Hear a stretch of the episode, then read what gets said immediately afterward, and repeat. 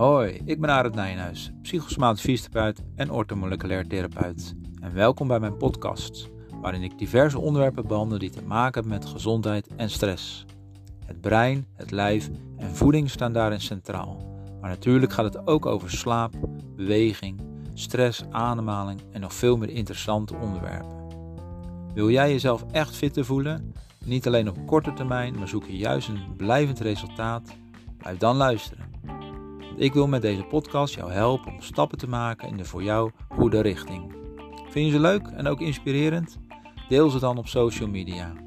Heb je gezondheidsklachten en wil je dat met je meedenk en kijken wat ik voor jou kan doen? Kijk dan eens op mijn website www.arendnijenhuis.nl voor de contactgegevens, blogs, het 10 domeinenmodel en nog veel meer.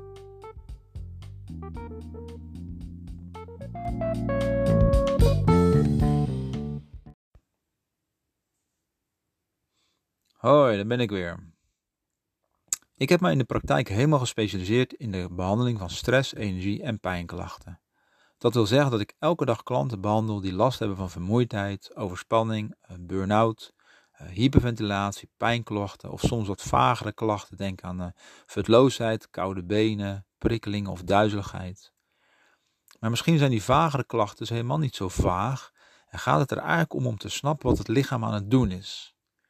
Uh, misschien loopt het systeem gewoon ergens vast of zijn er bepaalde tekorten. Nou, deze podcast gaat over een belangrijke vitamine die daarmee verbonden kan zijn. En dat is vitamine B12. Dat is heel belangrijk voor het aanmaken van energie en een goed functionerend zenuwstelsel. Dus klachten zoals vermoeidheid, tintelingen, hoofdpijn, duizeligheid, geheugen- of concentratieproblemen en het bot snel koud kunnen hebben, kunnen te maken hebben met een B12 tekort. Ik zal hier eens wat meer over uitleggen. Nou, laten we als eerste gewoon eens bekijken wat is vitamine B12 eigenlijk. Vitamine B12 is een wateroplosbare vitamine en heet in medische termen cobalamine. Het komt voor in dierlijke producten, maar daar ga ik straks nog even wat verder op in. En vitamine B12 wordt ook wel de energievitamine genoemd. Nou, dat is niet voor niks zo. Uh, dus op het gebied van vermoeidheid, futloosheid, dan, is een, dan gaat het al echt een lampje branden bij hoe zit het met de vitamine B12.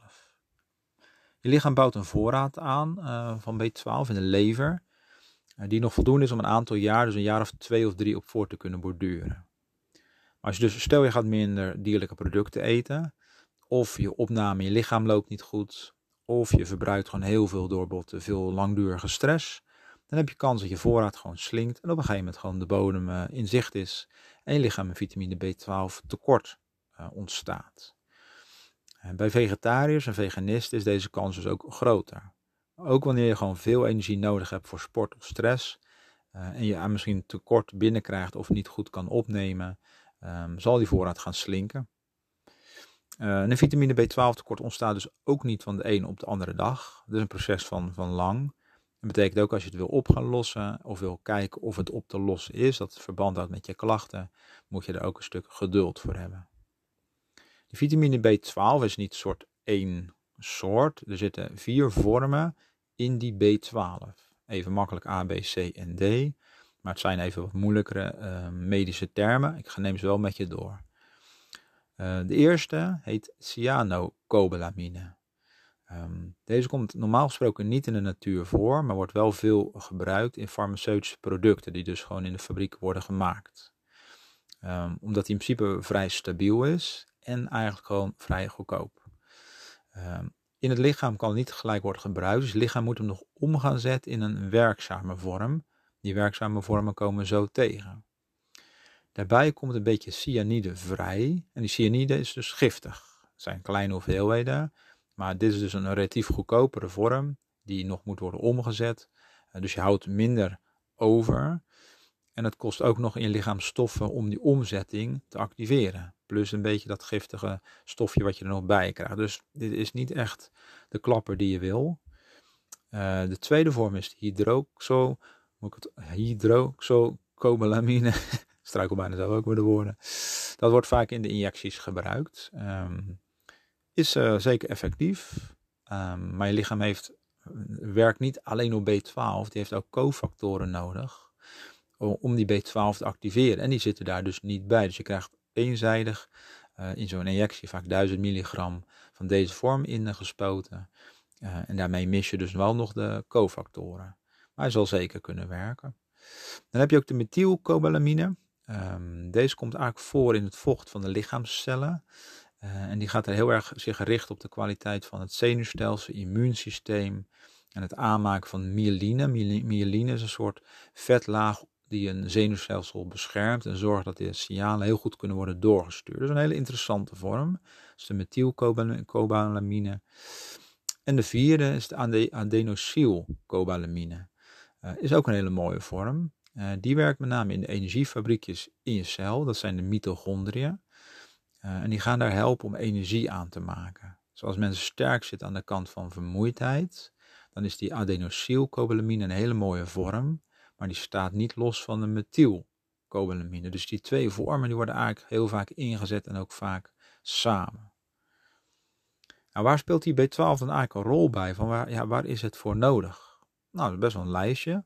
Uh, energie aanmaak, bloedcellen aanmaak, het brein, dus een stuk mentale veerkracht, het immuunsysteem, wat ik net zei, kwaliteit van het zenuwstelsel, dus met name dat vetlaagje, de myelinescheden, uh, hersengebieden zoals uh, het geheugen, DNA en celdeling.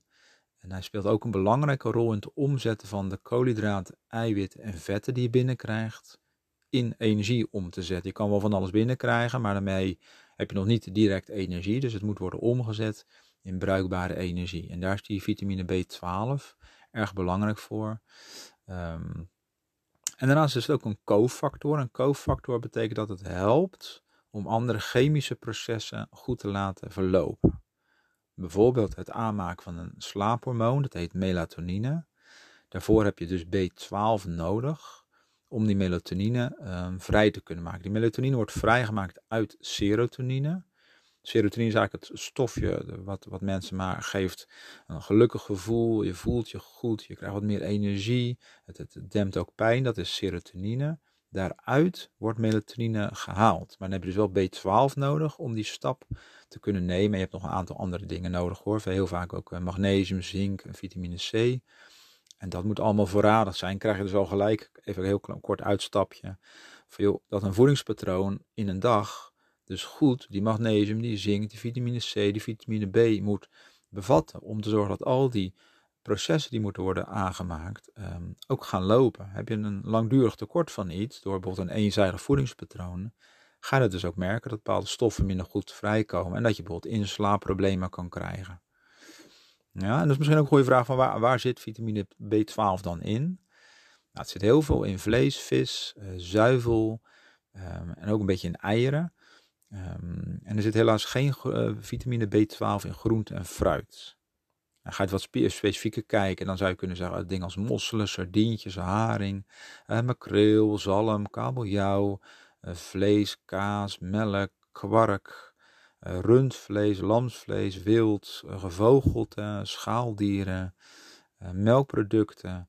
En qua eieren, um, eieren zijn in principe heel gezond. Maar de vitamine B12 in eieren wordt echt slecht opgenomen. Omdat er in die ei een bepaald eiwit zit, wat die B12 wat blokkeert. Zoals je denkt, nou ik ga gigantisch voor de eieren qua B12. Uh, denken dat je net even de, de plank mislaat. Dus je moet hem echt heel breed pakken qua voedingsstoffen. Eitje is zeker gezond, maar voor de B12 heb je echt meer nodig. Um, ja, en hoeveel moet je dan binnenkrijgen per dag? Nou, daar zijn natuurlijk best heel veel meningen over. Zoals elk onderwerp in de wereld zijn natuurlijk heel veel mensen die iets zeggen en onderzoeken. En zelfs een onderzoek zegt ook nog niet alles. Heb je ook vaak weer verschillende onderzoeken. Stel dat je uitgaat van het voedingscentrum, die zegt circa 3 microgram per dag. Uh, maar dan, dan hebben we het dus niet eens over uh, gewicht, man, vrouw, leefstijl, stress, sport. Dus dat is, dat is een hele gemiddelde uh, wat wordt aangegeven.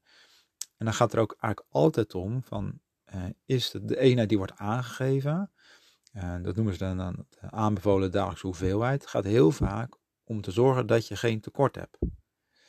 zodat je niet ziek wordt. Maar dat is toch echt een hele andere lijn dan dat je zegt, ja, maar het gaat mij niet om dat ik niet ziek word. Nee, ik wil optimaal functioneren. Ik wil heel goed in mijn vel zitten. Beetje als een, net zoals het cijfer op school. Van oké, hoe kunnen we zorgen dat je een, stel dat de 5,5 voldoende is. Nou, dan moeten we zorgen dat je 5,5 hebt of een 5,6. Nou, dan zit je voldoende, prima. Maar je kan ook zeggen, nee, ik wil gewoon 8, ik wil gewoon een goed cijfer hebben. Dus dan is er een heel verschil tussen de ene lijn en de andere lijn. Dan heb je natuurlijk ook nog een bovenlijn, een bovengrens van wanneer wordt iets toxisch, dus giftig. Bijvoorbeeld een vitamine D of een vitamine B6. Dat kan je niet oneindig gaan doorslikken. Op een gegeven moment wordt het uh, toxisch voor je lichaam, wordt het eigenlijk nadelig, slecht. Um, bij B12 is dat een ander verhaal, maar daar komen we straks ook nog, uh, nog op terug. Uh, dus je hebt eigenlijk die ondergrens, niet ziek worden. Je hebt een hogere grens van waar zit ik optimaal. En je hebt nog een bovengrens van waar moet ik niet overheen. En via voeding kan je steeds een beetje vitamine B12 opnemen. en via de suppletie komt het in principe in één keer in je lichaam.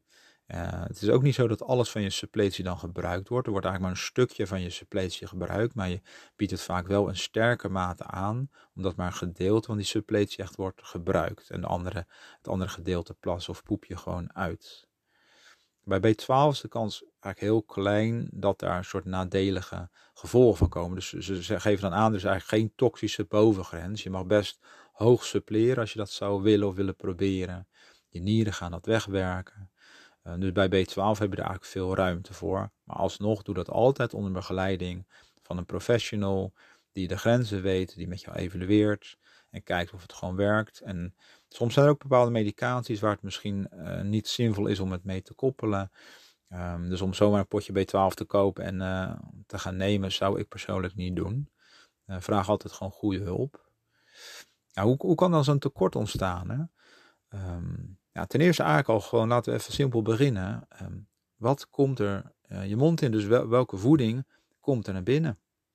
Um, en dan heb je de risicogroepen, dus de, de vegetariërs, uh, veganisten, of mensen die heel eenzijdig eten, of die misschien uh, heel ongezond eten. Als er weinig van die dierlijke producten binnenkomen, die ik net heb genoemd, dan, dan loopt het daar eigenlijk al, al spaak. Stel dat het wel voldoende binnenkomt, dan is het nog zo dat de intrinsieke factor, ik ga zo even uitleggen wat het is. Dat is een stofje in je maag trouwens. Heb ik het al een klein beetje verklapt. Um, dat moet worden aangemaakt door het maagzuur. Um, en dat stofje gaat dan naar je darmen. En dat gaat dan in je darmen zorgen dat die vitamine B12 goed kan worden opgenomen. Dus heb je maagproblemen, maagzuurremmers, medicatie, een irritatie aan de maag en het stofje wordt niet goed geproduceerd, heel vaak dus bijvoorbeeld bij maagzuurremmers, dan kan je het wel tot je nemen, dan komt die intrinsieke factor niet goed uh, vrij en kan je dus in de darmen ook die B12 niet goed omzetten. Ja, dus die, B, of die intrinsieke factor is een stofje wat aangemaakt wordt in het maagsap. Um, maar je hebt het dus echt nodig om die B12 te kunnen gaan activeren. Um, wat ook kan gebeuren is nou, dat het stofje misschien wel goed aanwezig is, dat je het goed binnenkrijgt. Maar dat als de darmen onrustig zijn, dus bijvoorbeeld geïrriteerd, ontstoken, geprikkeld, dan kan die darm niet goed zijn stoffen uh, verwerken en uh, het bloed in krijgen. Uh, heel vaak komt het door overgevoeligheid, bijvoorbeeld gluten of voedselallergieën, chronische darmziektes zoals ziekte van Crohn of de colitis ulcerosa. Het kan zijn dat als er in de darm een irritatie zit, dat ook daar het probleem ontstaat om de B12 goed uh, in het bloed te krijgen. Um, B12 is een vrij groot molecuul als je het onder de microscoop bekijkt. Dus het kan al niet heel makkelijk door die darmwand heen. Dus die darmwand moet echt goed functioneren om het in het bloed te krijgen. Stel het komt in het bloed en je zou dus het bloed prikken, want hoe is mijn vitamine B12 in het bloed? Zeggen, het is goed. Oké. Uh, dat zegt natuurlijk eigenlijk nog niks of het ook in de cel van het weefsel. Stel er ergens een spier, spier heeft cellen, die cel heeft B12 nodig. Het kan zijn dat het bloed keurig langstroomt, maar dat die cel niet de B12 goed opneemt. Daarvoor is het bijvoorbeeld belangrijk dat het celmembraan, dus het vliesje van het cel, goed doorlaatbaar is voor stoffen. Um, die doorlaatbaarheid is trouwens heel erg afhankelijk van omega-3, dus gezonde vetten. Dus stel je krijgt weinig omega-3 vetten binnen, dat celmembraan wordt heel stug, dan zit die B12 mogelijk wel in je bloed, maar niet voldoende in je cel. Nou, dat zijn eigenlijk allemaal stappen waar het spaak kan lopen. Uh, met de leeftijd wordt het trouwens ook de opname minder goed. Dus bij mensen boven de 50 zien ze dat de opname minder goed verloopt. Wat ik net zei, als mensen medicatie gebruiken, zoals maagzuurremmers, beta-blokkers, cholesterolverlagers, uh, of medicatie bij diabetes met formine. Um, het kan ook nog zo zijn dat er een aangeboren afwijking is, dus die, weet je, dat is, komt misschien iets minder vaak voor, maar de stappen, de voeding, uh, het stofje in je maag, uh, hoe de darmen functioneren, de kwaliteit van de cel, daar zitten toch wel hele grote belangrijke factoren of het, ja, of het uiteindelijk gebruikt kan worden. En wanneer je bijvoorbeeld een pil slikt, zwanger bent of borstvoeding geeft of last hebt van je hart, heb je, of mogelijk bestraald wordt, heb je ook een grotere behoefte aan vitamines B en waaronder die B12. Ja, en kijk, wanneer heb je dan een tekort? Hè? tekorten worden niet heel snel herkend, omdat signalen ook kunnen horen bij andere um, klachten. Dus bijvoorbeeld eh, vermoeidheid kan horen bij um, vitamine B12 tekort. Maar ik denk dat we met elkaar zo nog tien oorzaken kunnen opnoemen waar ook een vermoeidheid bij hoort. Dus het is niet een hele specifiek kenmerk, maar het kan er wel een kenmerk van zijn. Um, en dat tekort heeft natuurlijk ook te maken met die drempelwaarden, waar natuurlijk veel discussie over is. Van hey, zit je bij die onderste waarde of bij die, die optimale waarde, of zit je er natuurlijk tussen? Hoe is het voor jouw leeftijd? Um, ik geef het bot als voorbeeld. Stel je hebt een restaurantje met één deur. er staan voor de, de deur staan er 25 man te wachten. Dan zou je dus kunnen zeggen, oh, er is genoeg klandizie. Zie dat dus een beetje als er zit genoeg B12 in je bloed. Maar misschien zitten er maar drie mensen binnen, hebben ze twee tafeltjes of zo. En, en is, is er, gebeurt er binnen dus helemaal niet zo heel veel. Terwijl ze buiten wel uh, voor die deur staan te wachten. Zo kan het met die B12 um, ehm, eigenlijk ook zijn. En een gouden test bestaat niet. Je kan zeker bloedonderzoek doen, eh, daar komt best heel veel uit. Maar het is niet zo dat dat on 100% eh, sluitend is. Het is echt bloedonderzoek, eh, de klachten, ehm, voeding veranderen, suppletie veranderen, kijken wat er gebeurt. En je hebt al een aantal lijnen. Ze zeggen bijvoorbeeld onder de 150, dat, ja, dat gaat dan over picomol per liter, maar laten we het gewoon even, alleen even hebben over die 150. Dan is er zeker tekort tussen de 150 en 300 en je hebt ook nog klachten, dan wordt er eh, nog wel verder getest. Dat heet ook op MMA en foliumzuur. Dat zijn twee stoffen die heel nauw samenwerken met die B12. Dus je praat nu eigenlijk al over drie stoffen, B12, MMA en foliumzuur, die met elkaar dus moeten gaan zorgen dat het goed werkt. Ehm, maar als voorbeeldje, de bloedwaarde voor iemand van bijvoorbeeld 45 jaar, dan is al normaal tussen 160 en 600. Nou, dat is natuurlijk een hele brede range, dus dan kan het zijn dat jij op 162 zit.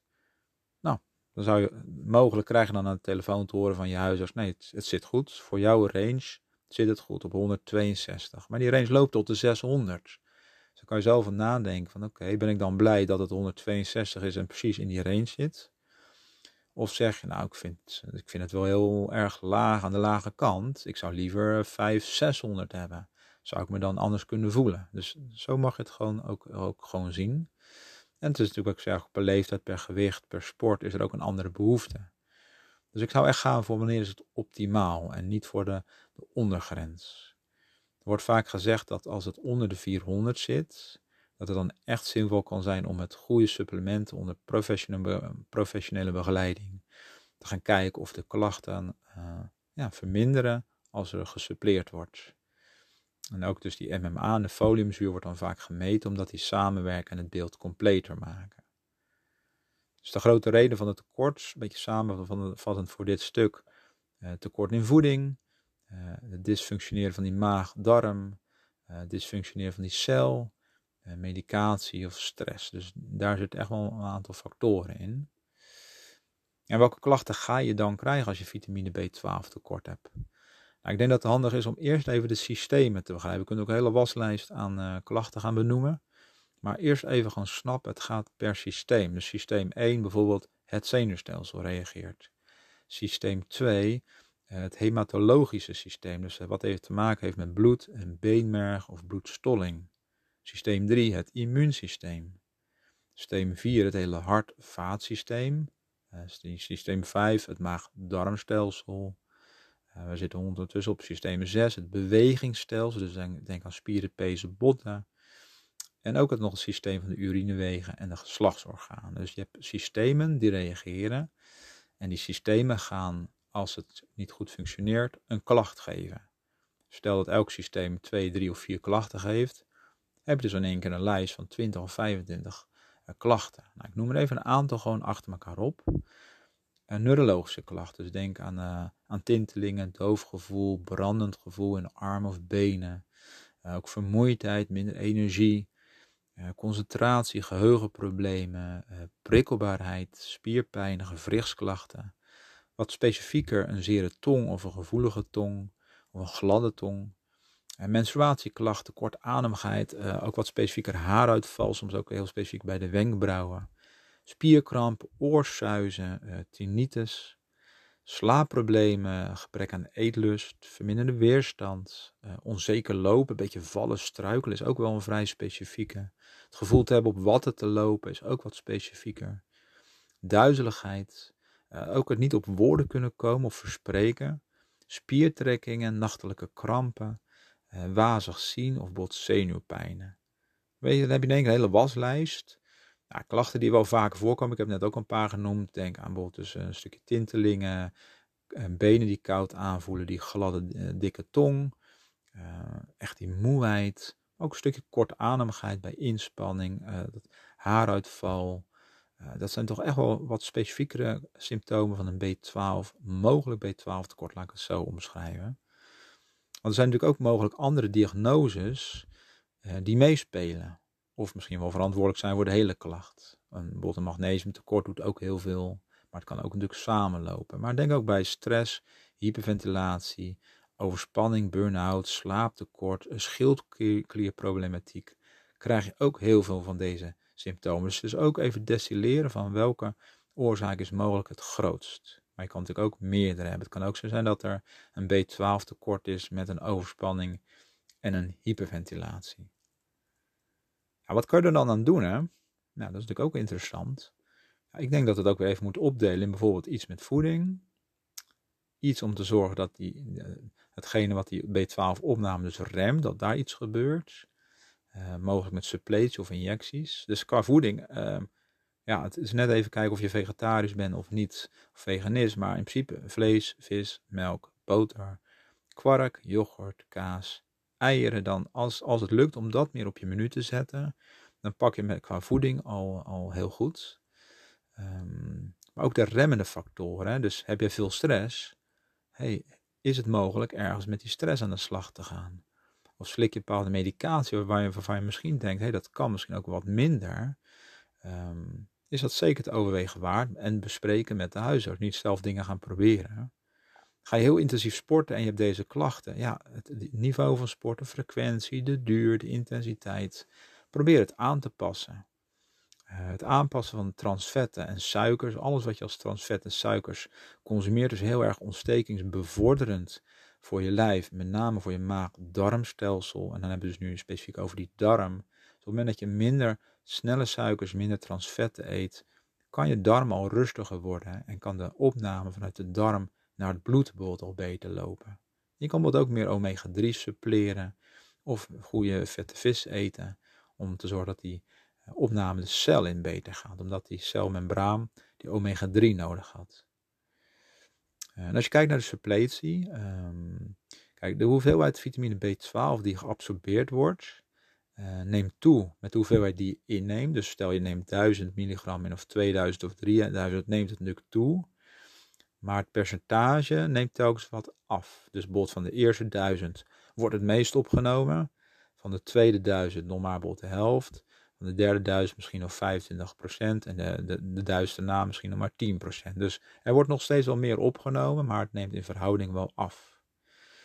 Um, qua suppletie is eigenlijk het meest effectief als het bijvoorbeeld een zuigtablet is of druppels in de mond, omdat het dan eigenlijk via mondslijmvlies wordt opgenomen en dat je dus eigenlijk de hele stap van uh, maag-darmstelsel kan ontlopen. Dus als het de, beste suppletie is echt uh, bijvoorbeeld een spray, een druppel of een zuigtablet in de mond. Dan sla je in ieder geval de stap van je darm, maag al over. Kijk, en wat je natuurlijk, uh, hoeveel, dus welke vorm. Ik heb in het begin vier vormen uitgelegd. En de hoeveelheid is dus heel erg afhankelijk van uh, ja, je, je type klacht. En als je daar vragen over hebt, weet je, stuur mij even een, een, mailtje of een WhatsAppje. Uh, wat ik zei, kijk even op de website www Ehm, weet je, en dan denk met je mee. Weet je, is het een makkelijke vraag, heb je zo antwoord. Is het complexere vraag, kom je langs. Uh, maar dan kunnen we gewoon met je meedenken. En het is ook mogelijk om natuurlijk bij de huisarts met injecties te werken. Wat ik zei, kan snel werken, kan goed werken, is wel weer één vorm en niet die cofactoren. Um, en als je, het, als je daar helemaal baseert en verder niks zou veranderen aan uh, bijvoorbeeld de voeding of de factoren die de opname belemmeren, ja, weet je, dan komt het mogelijk ook op een gegeven moment weer terug.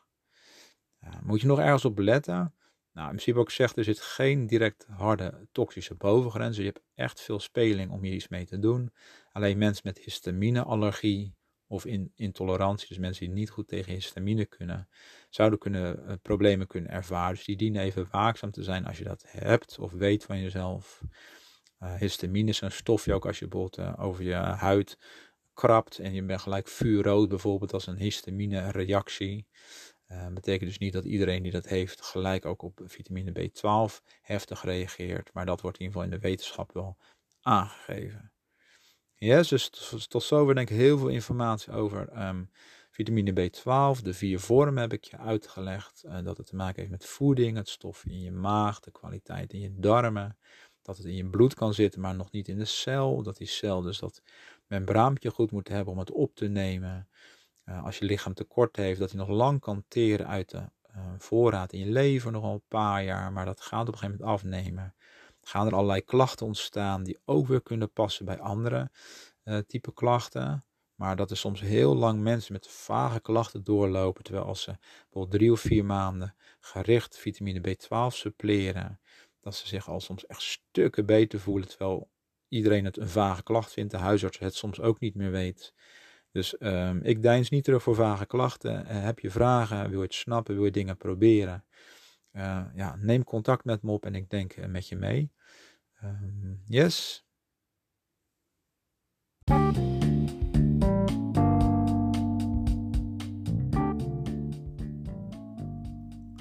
Hoi, nou, je het een leuke podcast over vitamine B12? En uh, wil je er meer van weten of heb je zelf hulp nodig? Uh, ik zei, ga naar de website uh, www.arendnijnhuis.nl. Vul het contactformulier in. Een WhatsApp sturen mag ook. Maar ik zei, kleine vragen die ik makkelijk kan beantwoorden, is ook gewoon kosteloos en doe ik gewoon zo. Een grotere vraag, echt een plan maken. Met ook evaluatie voor langere tijd. Kom dan gewoon langs op de praktijk. Heb je zelf een leuke vraag dat je denkt, hoe zit het nou met dit? Laat het mij weten, weet je, dan, dan ga ik er een podcast voor je over maken. En dan leg ik dingen uit, want hoe meer uh, mensen snappen, vaak hoe er beter ze met klachten omgaan, hoe beter ze klachten kunnen beïnvloeden en hoe fitter ze vaak worden. Nou, dan ben ik weer helemaal blij en de klant volgens mij ook. En wil je op de hoogte blijven, volg mij dan op Facebook of Instagram. Zoek even onder Nijnhuis Therapie of Arend Nijnhuis, dan ga je me zeker vinden. En deel gerust deze podcast als je hem leuk vindt. Yes, En hopelijk tot snel. Groetjes van mij.